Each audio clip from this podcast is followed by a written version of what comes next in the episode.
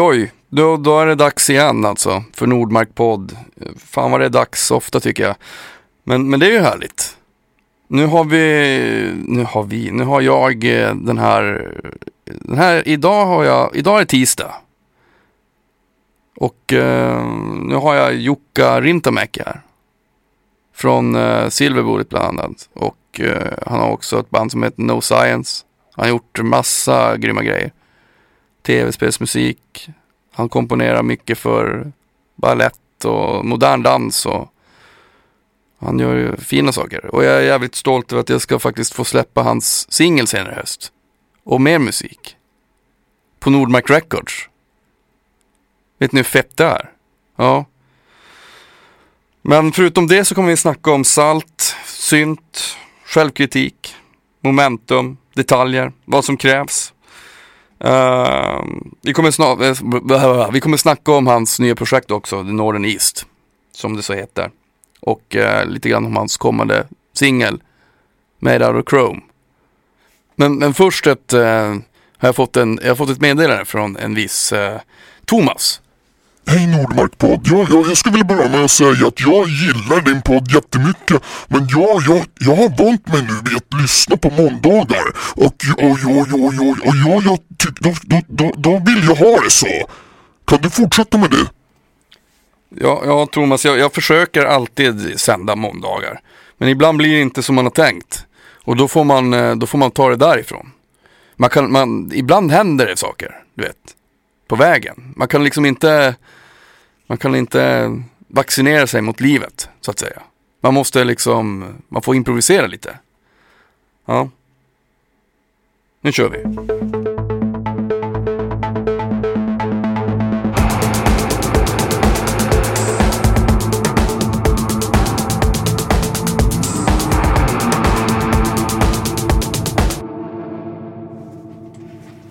Det skitkul när du satte dig själv. Ja. Det blir bra. Det heter... Uh... Skål! Åh, skål! Välkomna! Tack så hemskt mycket. Mm. Skål! Skål! Åh, oh, fan vad gott. Ja. Vad har du gjort idag då? Idag så har jag. Jag har gått till Therese och och, och badat i Eriksdalsbadet. Ja. Så vi är där hela tiden nu på sommaren. Ja men jag, jag brukar ju träffa dig. Ja jag vet, vi träffas ju där nere mm. vid Årstaviken jämt så här. Så att, det, det är också på vägen till min studio så det man kan gå där via och bada ibland också. Ja. På vägen från studion. Ja, det är skitmysigt ju. Ja, det är jättebra. Det heter, um, men får du vara ledig någonting i sommar? Ja, absolut. Jag, jag är ledig hela juli. Mm. Och låter bli att göra musik uh, helt och hållet egentligen. Ja. Förutom att vi sitter i en studio då nu. nu. det blir ändå någon dag som har... Det känns bra att se lite instrument och sådär, men det kliar i fingrarna liksom. Men det är bra att vara borta från musiken. Så. Ja, det är alltså fan jag har... Eh, jag, jag är så privilegierad att jag ska, jag ska få släppa Jukkas eh, nya låtar på eh, Nordmark Records. Det känns, så, det känns så jävla fint. Ja, alltså, det, det, alltså, jag har knarkat de där låtarna, jag tycker de är så jävla bra alltså. Ja, det är så himla roligt att följa ut det. Det känns så jäkla roligt att du, att du, att, att du vill det och verkligen Ja, att vi gör det liksom. Ja. För det, det är helt utan någon slags eh, plan på, på någon slags kommersiell grej. Även om det inte är okommersiellt på något sätt helt och hållet. Men, men det, det är jäkligt skönt att slippa hela diskussionen om strategier, vad man ska göra hit och mm. dit. Man får bygga sina egna strategier, vad man själv tycker känns liksom passande för verket eller och för, för projektet, tänker ja. jag. Då, då, om, man, om man har den inställningen då, då, då kommer man vilja göra mer bra grejer, tänker jag. Det, ja. är, li, det är lite idén med skivbolaget liksom också, att man ska Det ska vara som Det mesta som jag kommer släppa kommer ju vara mitt egna, ja. mina egna projekt.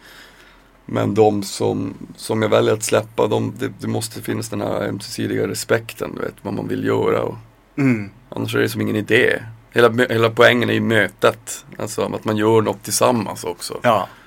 Ja det, det blir jätteroligt. Och det är roligt, du är med och spelar också så det är himla roligt alltså att trumma mm. på dem. Så det, det är fantastiskt. Jag är så glad. Och det, och, det, och det har varit så jäkla peppande att ha dig som har varit musiker som, med i den här processen. Liksom. Att man har haft någon som, som har gjort mycket skivor och vet hur skivbolag vanligtvis Mm. funkar. Och det, det känns helt annorlunda. Det känns som en producent som man vill ha. Liksom. Mm. Vad fint sagt.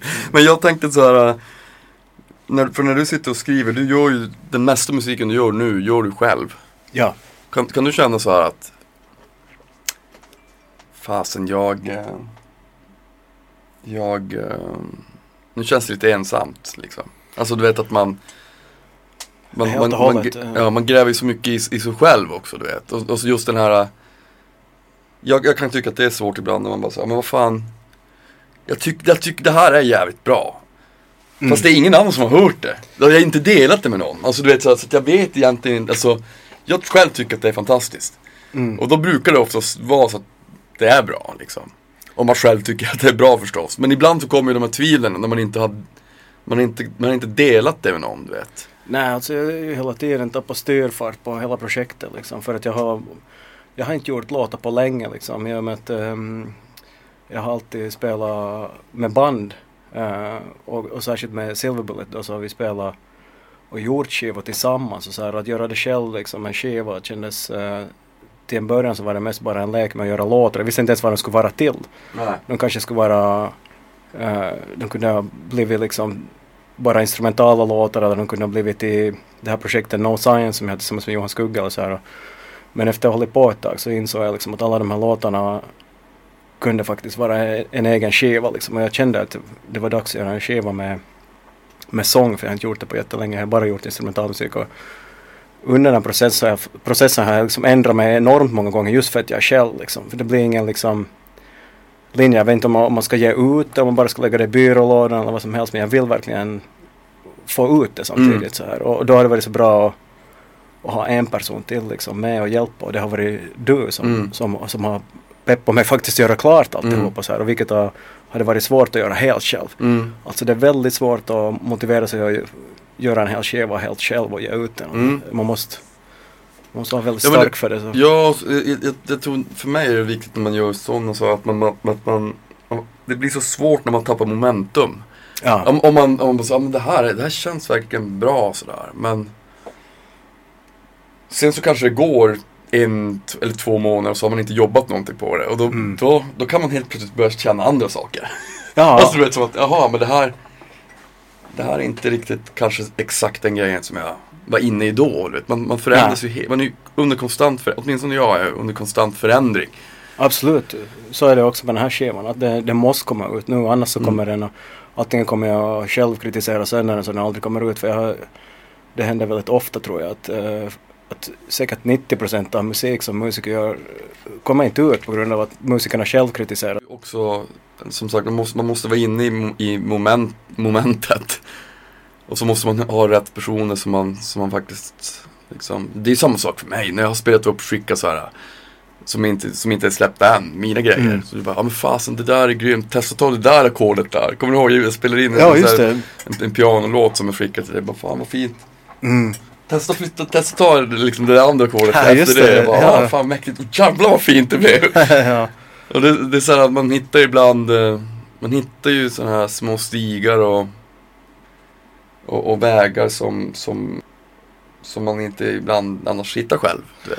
Nej, det behövs ju inte mycket heller. Det behövs ju ibland bara att någon lyssnar. Det Mm. räcker för mig Mm. ofta. Jag är väldigt entusiastisk med musik ofta. Jag har, jag har ganska lätt att göra mycket musik. Så. Mm. Vissa musiker är sådana att de sitter hur länge som helst och väntar på, på att det ska hit, hitta rätt inspiration. Så här. Men jag fungerar inte riktigt så. Jag fungerar ganska enkelt med att skapa my- ganska mycket musik. Men sen så tar det stopp i när jag börjar tvivla på om någon överhuvudtaget, om det är intressant för någon att höra det här. Mm. Och så här. Men, men eh, då kan det räcka med att man liksom spelar upp sin låt Mm. och den personen bara säger någonting, att man själv får prata om den här låten inför eh, Mm. någon annan så, så kommer man vidare. Liksom. Mm. Någon slags bollplanksfunktion är enormt viktigt också. Liksom. Det, det är ju det. Jag, jag tror också att, jag menar vad fan, jag, du sitter ju och jobbar i studion hela tiden och, och jag med. mm, Det, det är liksom Det är inte att vara ärlig mot sig själv att tro att allt det man gör är bra heller. Det kan det ju inte vara.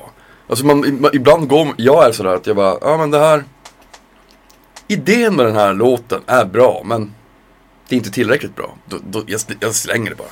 Jag bara delete. ja, Jag har inga problem med det. Jag vet att allt, allt jag gör kan inte vara liksom, och då känner jag det här är inte tillräckligt bra. Nej. Um, Ja, jag har fruktansvärt jäm, mycket jämfört sådana- man jämför ja. bara såhär, nu, nu, nu står månen rätt. Nu, nu funkar allting. Ja. Det, den, då, då tvivlar man ju aldrig. Liksom, då, är, då vet jag att då är det, då är det sant liksom.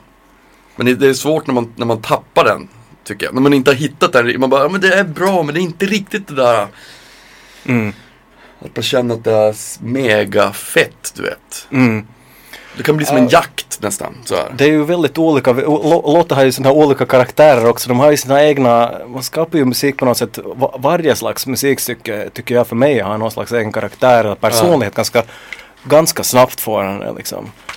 Och, och då, och, då liksom, man vet ju, vissa låtar är väldigt lätt jobbade. Man kan skriva låtar som de funkar nästan hela tiden. De funkar att spela med en akustisk gitarr, de funkar att spela med ett piano. Allt låter bra, man spelar in på dem så här. Mm. De är jättelätt jobbare och det, och det, och det är underbart. Så här. Och andra låtar så vet man att det finns någonting där inne i den här låten men de är, man får inte till det hur länge som helst. Man kan ju också hålla på med låtar i väldigt, väldigt länge och försöka få till det där, få fram det där som man vet finns där. Utan att någonsin få fram det. Mm. Och, och under så här skivprocess, eh, kommer kommer jag ihåg tidigare under skivprocesser att ofta så har man jobbat med också att det upplevs annorlunda av andra människor kanske det här Mm. också. Sen så att man har jobbat med någon låt, eh, man kan jobba med någon låt som man tänker det här är den bästa låten. Mm. Eh, det här är absolut bästa låten på skivan så jobbar man jättemycket med och tänker shit vad bra det är och sen någonstans så så är det någon annan låt som går förbi under Mm. arbetsprocessen som inte var så mycket, var så speciell när man började med det men som på något sätt ändå utkristalliserar sig som väldigt speciell. Mm. Så det, ja, det, det, det är en mystisk process hela den här grejen med att ehm, att ta fram saker ur låtar eller musikstycken sådär, hur, hur långt man kommer med det eller hur tur man har och hur, hur, hur man råkar träffa rätt eller så det, det, det är ju ingenting som man man kan bli skickligare på det men- det, det, känns verkligen som att det lever sitt eget liv ganska mycket. Ja, ja, verkligen. Men jag har också, jag tycker också att no, alltså de grejerna jag nästan går igång på mest är när det är en ganska stor dos, dos art by accident i, Mm. i, i, i skapandet. När man bara man letar något sound till exempel på tempeln och så bara råkar man komma åt något du vet. Så, men fan vad det här var ju grymt ju. Eller att man bara tar fel ackord någonstans. Fan vad mäktigt. Det där blir Det tog mig in på någonting helt annat som jag inte liksom har Jag hade, jag hade, jag hade inte jag liksom Det var inte planerat utan det jag bara rent tur Det så, ju- så, så blev det så. Det är ju också med just um, instrument i sig att om man, det kan ju vara ganska givande att bara ha ett nytt instrument när man hör någonting Mm. för första gången om man inte spelat på det innan Mm. och så här. Och det kan ju ge väldigt mycket och ta fram kreativitet för man hör, kopplar ihop ljuden med sina toner och ackord och sitt sound som man vanligtvis har och skapar någonting och det man hör det väldigt specifikt. Det, Mm. det är extremt mycket metodik. Min musik handlar väldigt mycket som jag komponerar. Jag komponerar ju eh, som mitt yrke liksom. Mm. Musik till, till modern dans, till film, till spel, allt Mm. möjligt. Och det gäller att komma upp med mycket musik. Mm. Så det gäller att hitta olika processer och metoder för att, för att kunna överhuvudtaget liksom nå en kreativ nivå ganska snabbt så här. Ja. För att folk frågar mig väldigt ofta så här, eftersom jag skriver så här, ja men hur börjar du och vad händer om Mm. du inte hittar på någonting Mm. sånt? Men det gäller att just komma på grejer som man börjar jobba utifrån. Så ett projekt som jag jobbar med nu, så på tal om Tempesten, så har jag lånat en Tempest, vilket jag hörde första gången här hos för som du har jobbat med mycket så hörde jag hur grym den var.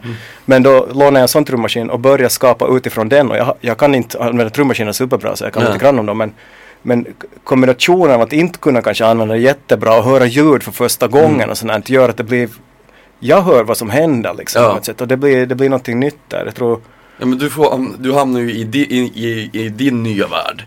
Vart, vart, vart är det? Vart ska jag gå? Va? va? Hallå? Vilket, vilket håll ska jag ta? Vad, vad, vad ska jag göra? men- den där, den där valmöjligheten är ju någonting som man, man gör väldigt gott i att begränsa på olika Mm. sätt. Bara för att det blir en tydligare, kanske ett tydligare uttryck eventuellt om man har lite färre. Mm. Ehm, ja, det är knepigt det där. Jag, jag, jag kan göra ganska hårda dogmaprinciper för mig. Jag har gjort till Mm. exempel en dansföreställning där, där utgångspunkten var att göra, använda salt och synt. och det var de två instrumenten som skulle få användas. Mm. Och det höll ganska länge. Jag gick och köpte salt till, till, Ica Maxi så här fin salt, grov salt, jättemycket salt. och gick hem med det saltet, hällde det i olika skålar, satte upp mickar och började spela in det där saltet, trumma på det, hällde ut det och salt över hela lägenheten. men, eh, men, det, men det blev, eh, det blev massa grund perkussiva grejer och ljud av det Ja. saltet som, som, som satte en prägel i varje fall. Ja. Och sen så använde jag det och synt ganska långt. Det, det blev ju också väldigt tråkigt efter ett tag. Jag lyssnade bara på Bara lyssna på salt och synt. men, det, men det är roligt med sådana dog- dogmer faktiskt. ja, alltså det krävdes lite fler instrument men, men, men det var väldigt bra grund. Mm. Det, var, det, det satte en helt specifik um, Står det också på, på, vad heter det, på, på, på, på, på produktionsinfon där, men Jukka Rintamäki. Grovsalt. Synt, Grovsalt, synt. Ingen speciell synt, bara en synt. men, men, eh, men jag tycker det är, det är, så, det är så skönt. Jag, jag har tänkt på det många gånger, jag, jag- både jag och Frans har pratat om det. Så om, man, om man skulle haft, det är väldigt fint i din studio också, för den är perfekt stor. mm, Alltså det, det är någonting med ett, ett, ett rum som är ungefär den här storleken. Mm. När, när jag jobbar då, då, gör- då gör jag typ så här. mm. Sen går jag och ställer mig där. Så sätter, det, är, det är alltid en rörelse. Uh, Ja. jag, jag, jag, jag skulle tycka det kändes för onödigt om jag hade, om det hade, om jag hade för mycket space. Ja, Jag tror att eh, jag tror att uh, sådana stora studier är väl mest just om man har jättemycket livemusiker samtidigt eller någonting. Jag har heller aldrig förstått idén med det. Alltså, jag, jag behöver också ha nära till alla Mm. instrument så här. Allt är patchat och klart, pianot är Mm. mm. upp mickat, man, jag behöver bara trycka på play. Ja, Så, och allt låter grymt liksom. Ja. Det, jag har oftast en sladd liksom. Mm. Som jag bara kopplar till de olika. Så tar sladden och så går Mm. jag till nästa instrument och kopplar i det där och så via, in via effekter och sen in i datorn så här man för att spela in så snabbt som möjligt. Mm. Liksom, så här. Men det är ju liksom olika skeden av skapande på något sätt. Det, där, det är väldigt känsligt det där de där första två timmarna för mig i varje fall om man ska göra något specifikt som håller på med en föreställning eller spel eller någonting. Att man, när man letar sound och man vet utgångsläget lite grann. Man kanske pratar med en koreograf eller en, en speldesigner eller om vad det är man vill försöka åstadkomma. Och då gäller det att snabbt kunna spela in saker. Ja. Alltså man, när teknik stannar upp eller när man måste lära sig ett nytt dataprogram som inte man kan eller sånt här. Så det skapande liksom krossas ganska snabbt. Då, Ja. liksom, så så det, jag håller helt med. Ett, ett sånt här litet rum är perfekt där det är nära till allt. Det tar Ja. liksom tankekedjan hålls intakt så att man, eh, man inte tappar bort det man tänkte göra.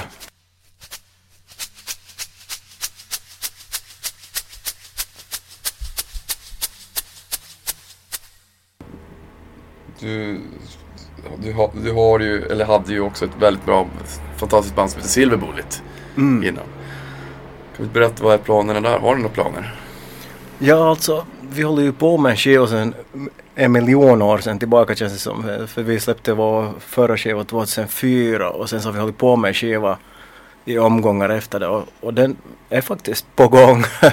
det, den, ehm, det är inspelat väldigt mycket saker och det ska spelas in lite lite till och så här och, och det finns en uh, singel som faktiskt är mixad. Mm. Så det är bara frågan om när vi ska släppa den egentligen. Jag tror att jag har, fått, jag har hört lite Du har grann. hört den? Ja, ja. Jag har det spelat den till dig i, i lurar här. Men, men ehm, jag, jag tänker, eftersom jag med mina gamla band så det måste ju ha varit svårt också. Alltså just, för ni, det är inte så att ni umgås mycket privat längre sådär, eller? Nej, alltså vi, vi bor i olika städer framförallt Mm. och så här och, mm, och jag bor här i Stockholm. De, ja, merparten bor i Göteborg. eh, och eh, vår keyboardist bor ett tag i Oslo och så här och sen så vi spelar så ganska intensivt under tio år från 94 till 2004, 2005 ungefär så här som mest. Mm.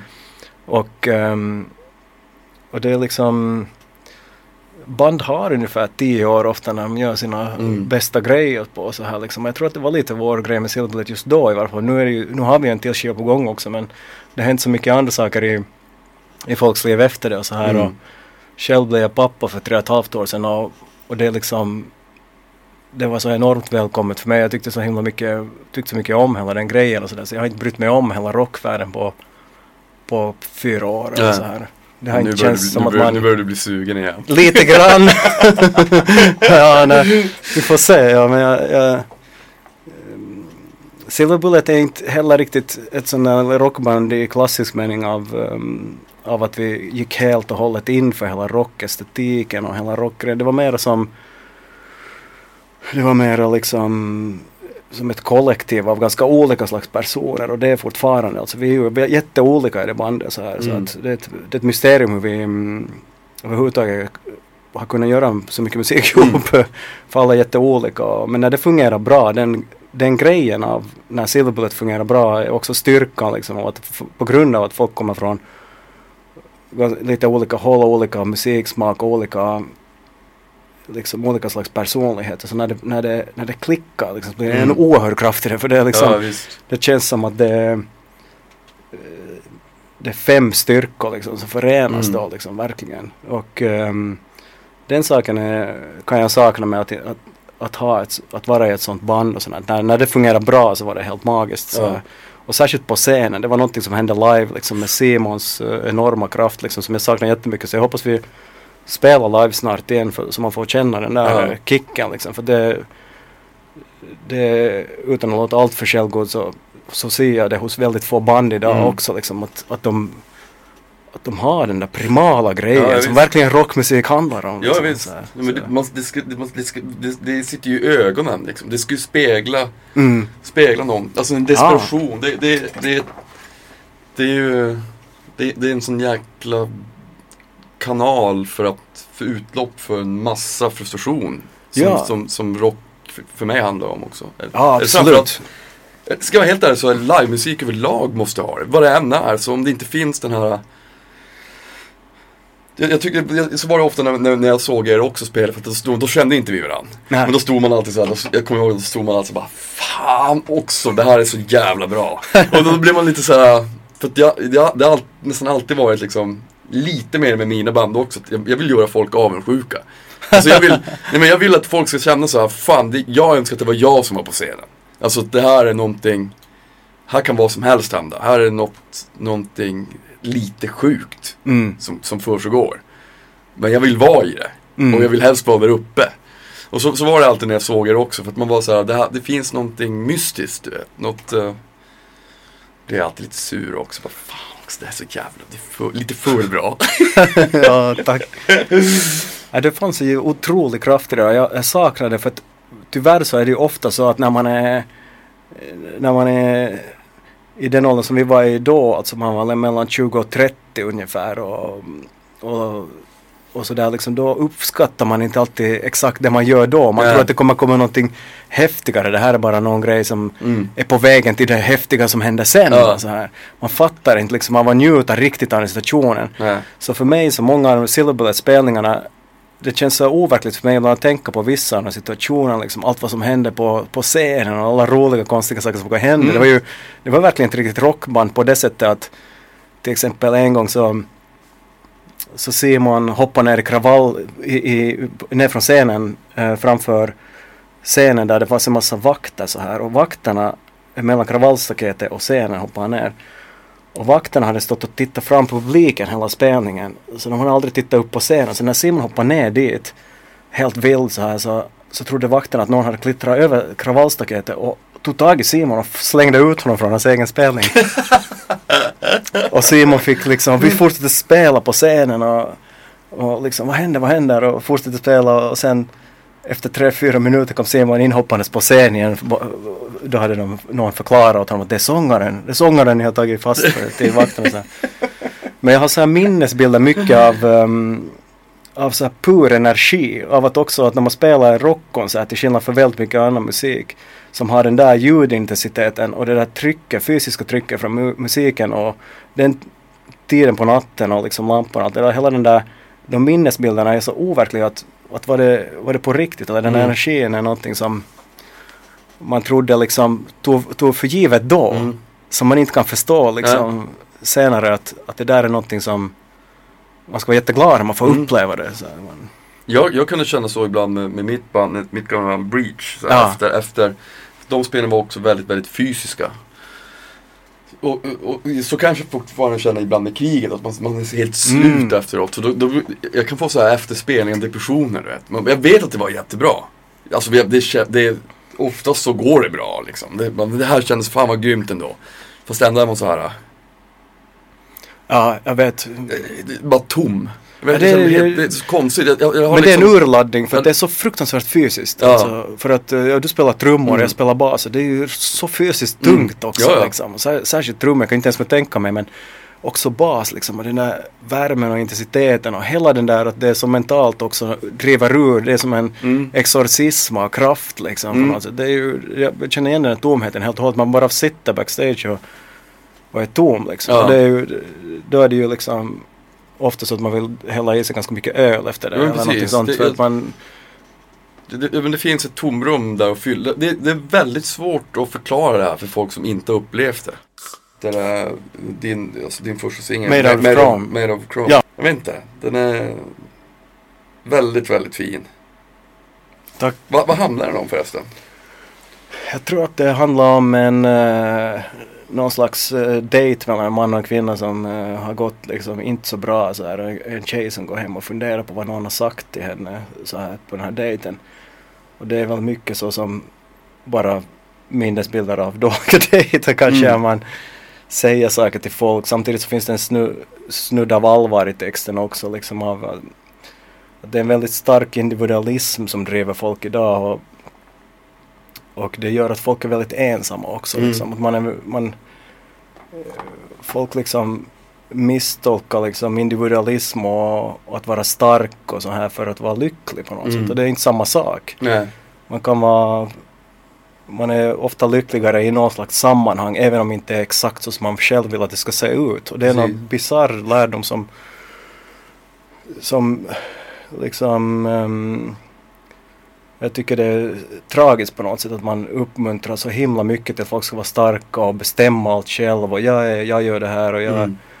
jag, jag vet, jag förstår inte riktigt jag tror inte att det gör folk lyckliga eller det gör inte heller saker bättre nödvändigtvis på något sätt för, för någon mänsklighet heller. Nej, liksom. nej, verkligen inte. Och det handlar lite om, om, en, om en tillvaro kanske just som handlar om, om det som är väldigt vanligt upplevde jag under lång tid när jag själv var, liksom, levde själv i Stockholm. Att det, man kan väl känna sig ganska ensam och eh, väldigt stark och allting går väldigt bra men samtidigt så det finns ingen poäng med det för man, man är ändå själv på kvällen och Mm. ensam med det där. Så det är många tankar i en i bara några enkla fraser liksom men, men en känsla av eh, eh, av kanske det här att man måste uppoffra liksom delar av sig själv för att uppnå lycka på något konstigt sätt. Mm. Alltså man måste uppnå man måste uppoffra vissa former av um,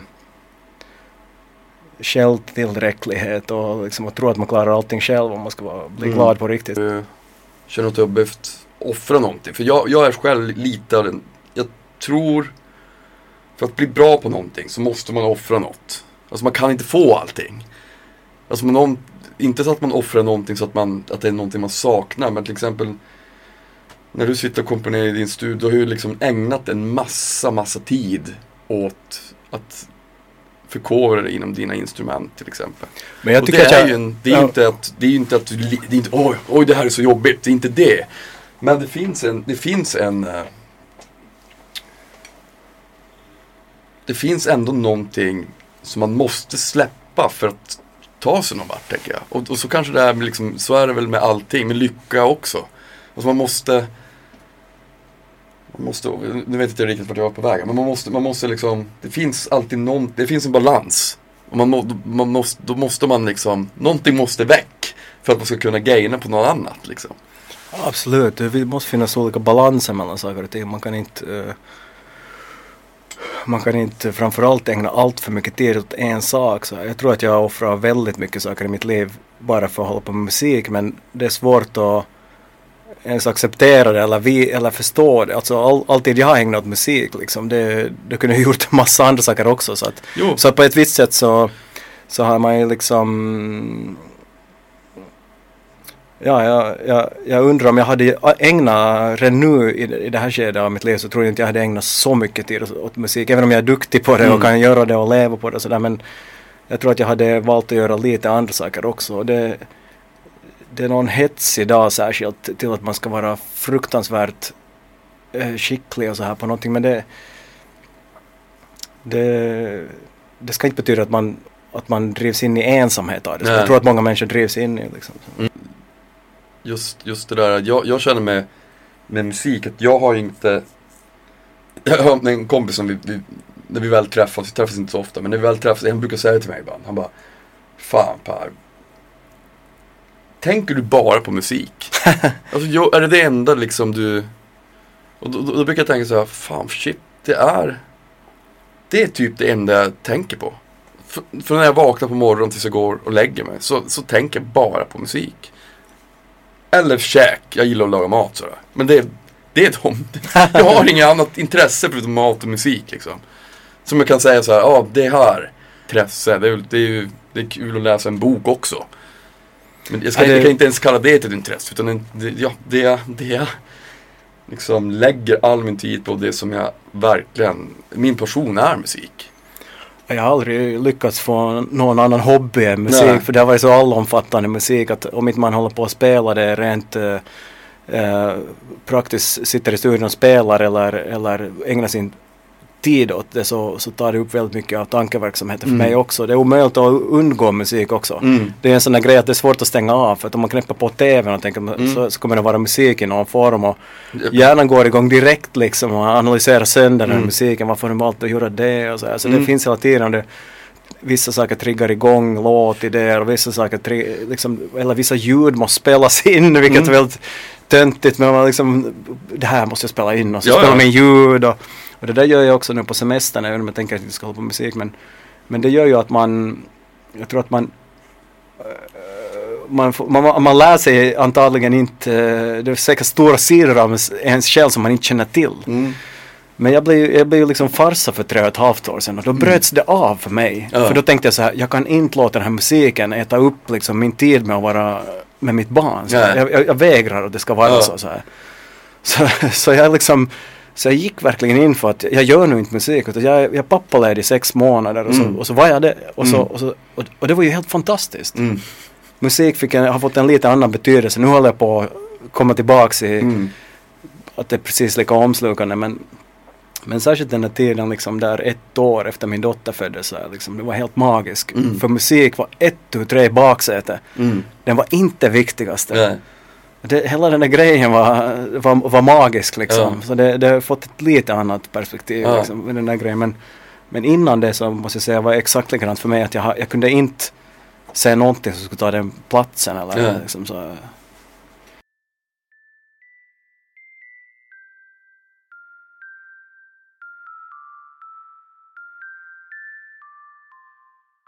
Det, jag, jag minns när jag var liten, när, när, man, när jag, jag kunde sitta och lyssna så maniskt på skivor i alltså fyra, fyra timmar i sträck var inga problem. Om och om om igen, liksom. Samma skiva. Men då fanns inte, jag, jag kommer ihåg hur det kändes att jag, jag tänkte inte på detalj då. På samma sätt som man gör nu. Nej. Jag, man hörde ju musiken som en helhet.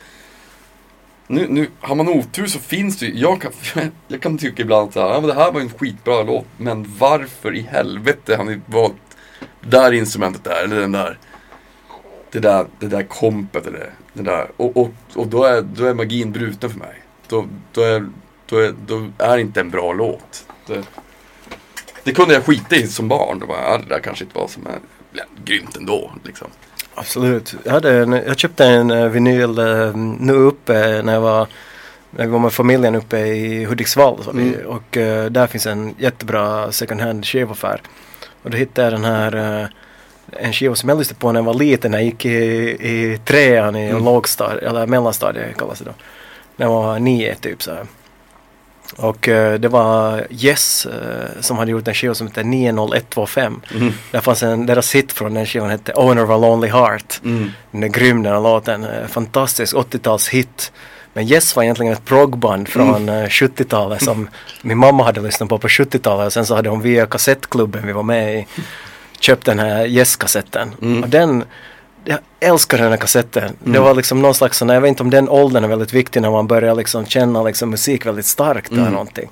Men jag var nio då och, och jag, jag liksom väntade till skolan till slut så jag kunde springa hem och lägga mig ner på rygg i sängen så här och ta min bandspelare så här bakom huvudet så det var nästan som en hörlurar så här jättenära så här och äta mackor och lyssna på den där Yes 90125 skiva som en sån här 80-tals uh, eh, neoprog-skiva.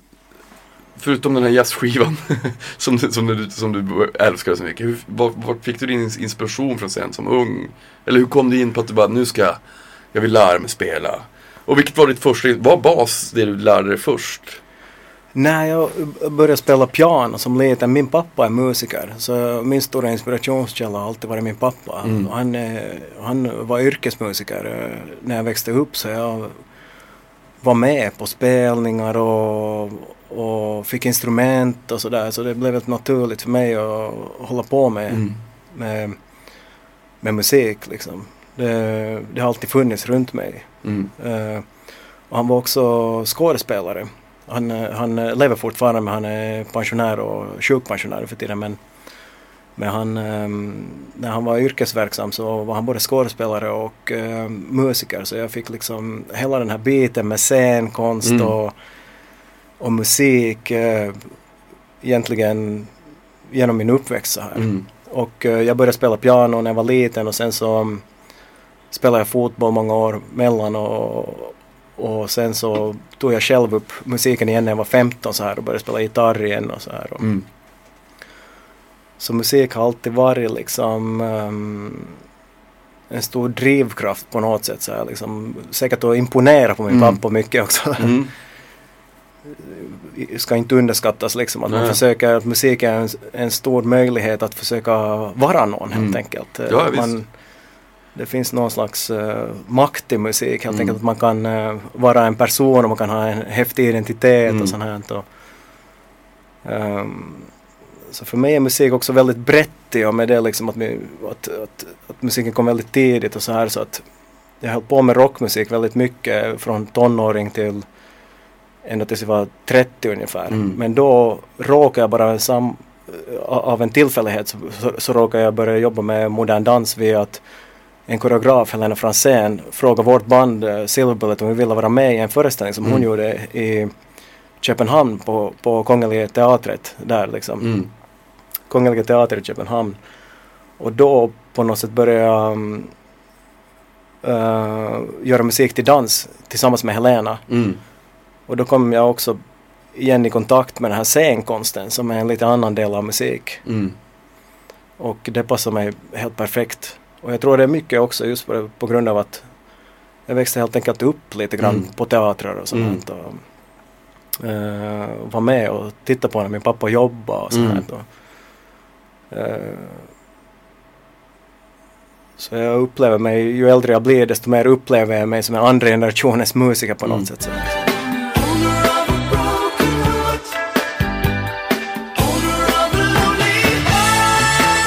Ofta, efter, bra band bygger ju på kombinationer av Mm. kunskaperna. Det är också det som på något sätt i Silver Bullet så var det en väldig styrka av att folk kom med olika kunskaper in i bandet. Så jag kom med ganska mycket eh, skolning, även om inte jag är jätteskolad så kunde ganska mycket om ackord och skalor och, och instrument och hit och dit. Alltså kunskap, såna, om sån, sån kunskap om musik medan andra i bandet kanske kom mer från konsthållet, kom Mm. med med visioner och, och, och någon slags smak inom rockmusiken, vad som är, känns väsentligt att göra Mm. nu inom rockmusik och sånt Mm. Att när man lägger ihop de grejerna till, till ett så blir det en väldig styrka liksom. Mm. Så att man kommer liksom med, som typ i ett rollspel där du får olika, jobba på olika Mm. liksom magic skills så här så, så, så kommer någon med och, så till slut så har man ett, ett, ett band som består av som är mycket, mycket starkare ihop Mm. liksom så här och det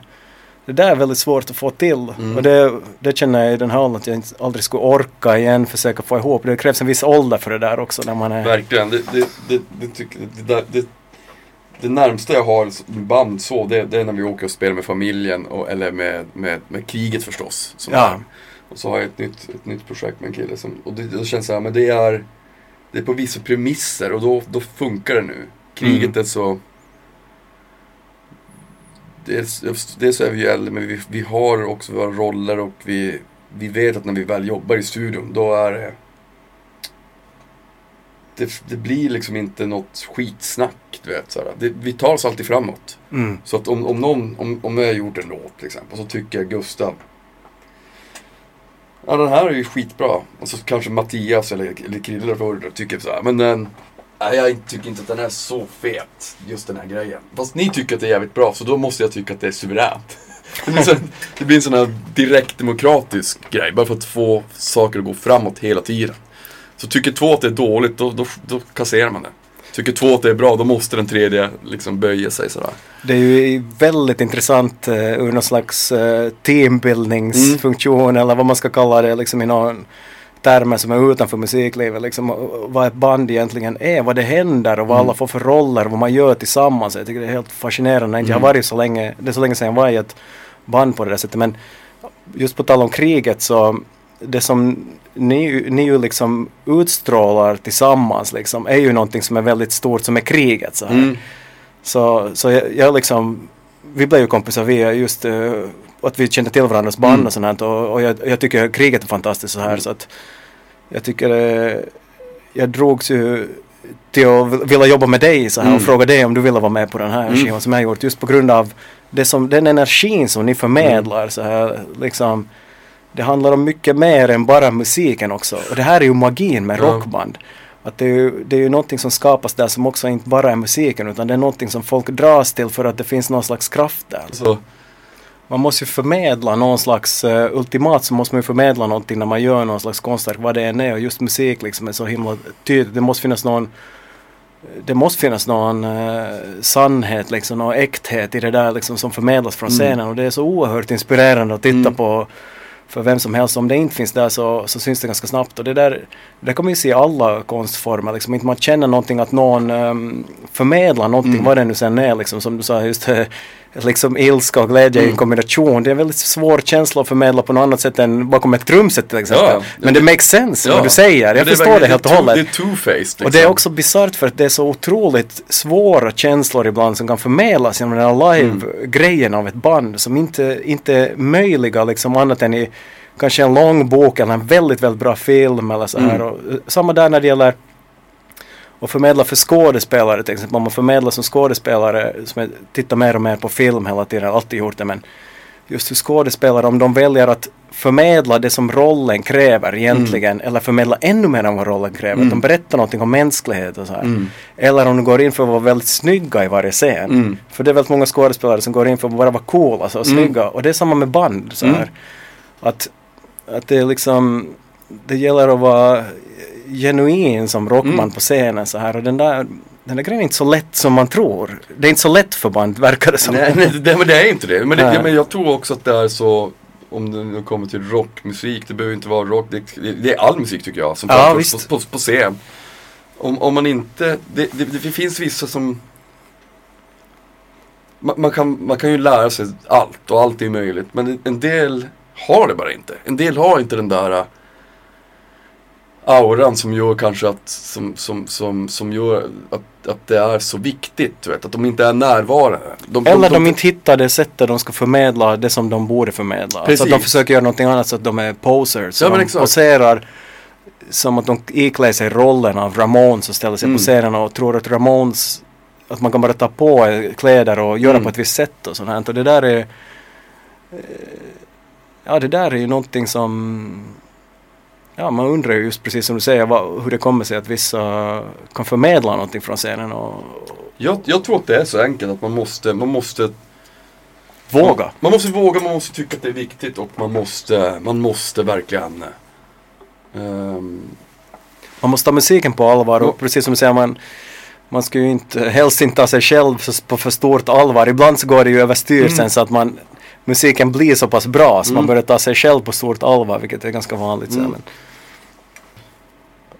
Vad heter det? Jag, jag tänker att ehm, nu ska vi lyssna på lite musik. jo, Tack för att du kom. Tack en Per, tack. Fan vad kul. ja, vad roligt. Ja visst är det. Det var allt för den här gången. Men um, om ni har några frågor så mejla in till info.nordmarkrecords.com uh, eh, Följ mig gärna på Instagram, Nordmark. Twitter, samma.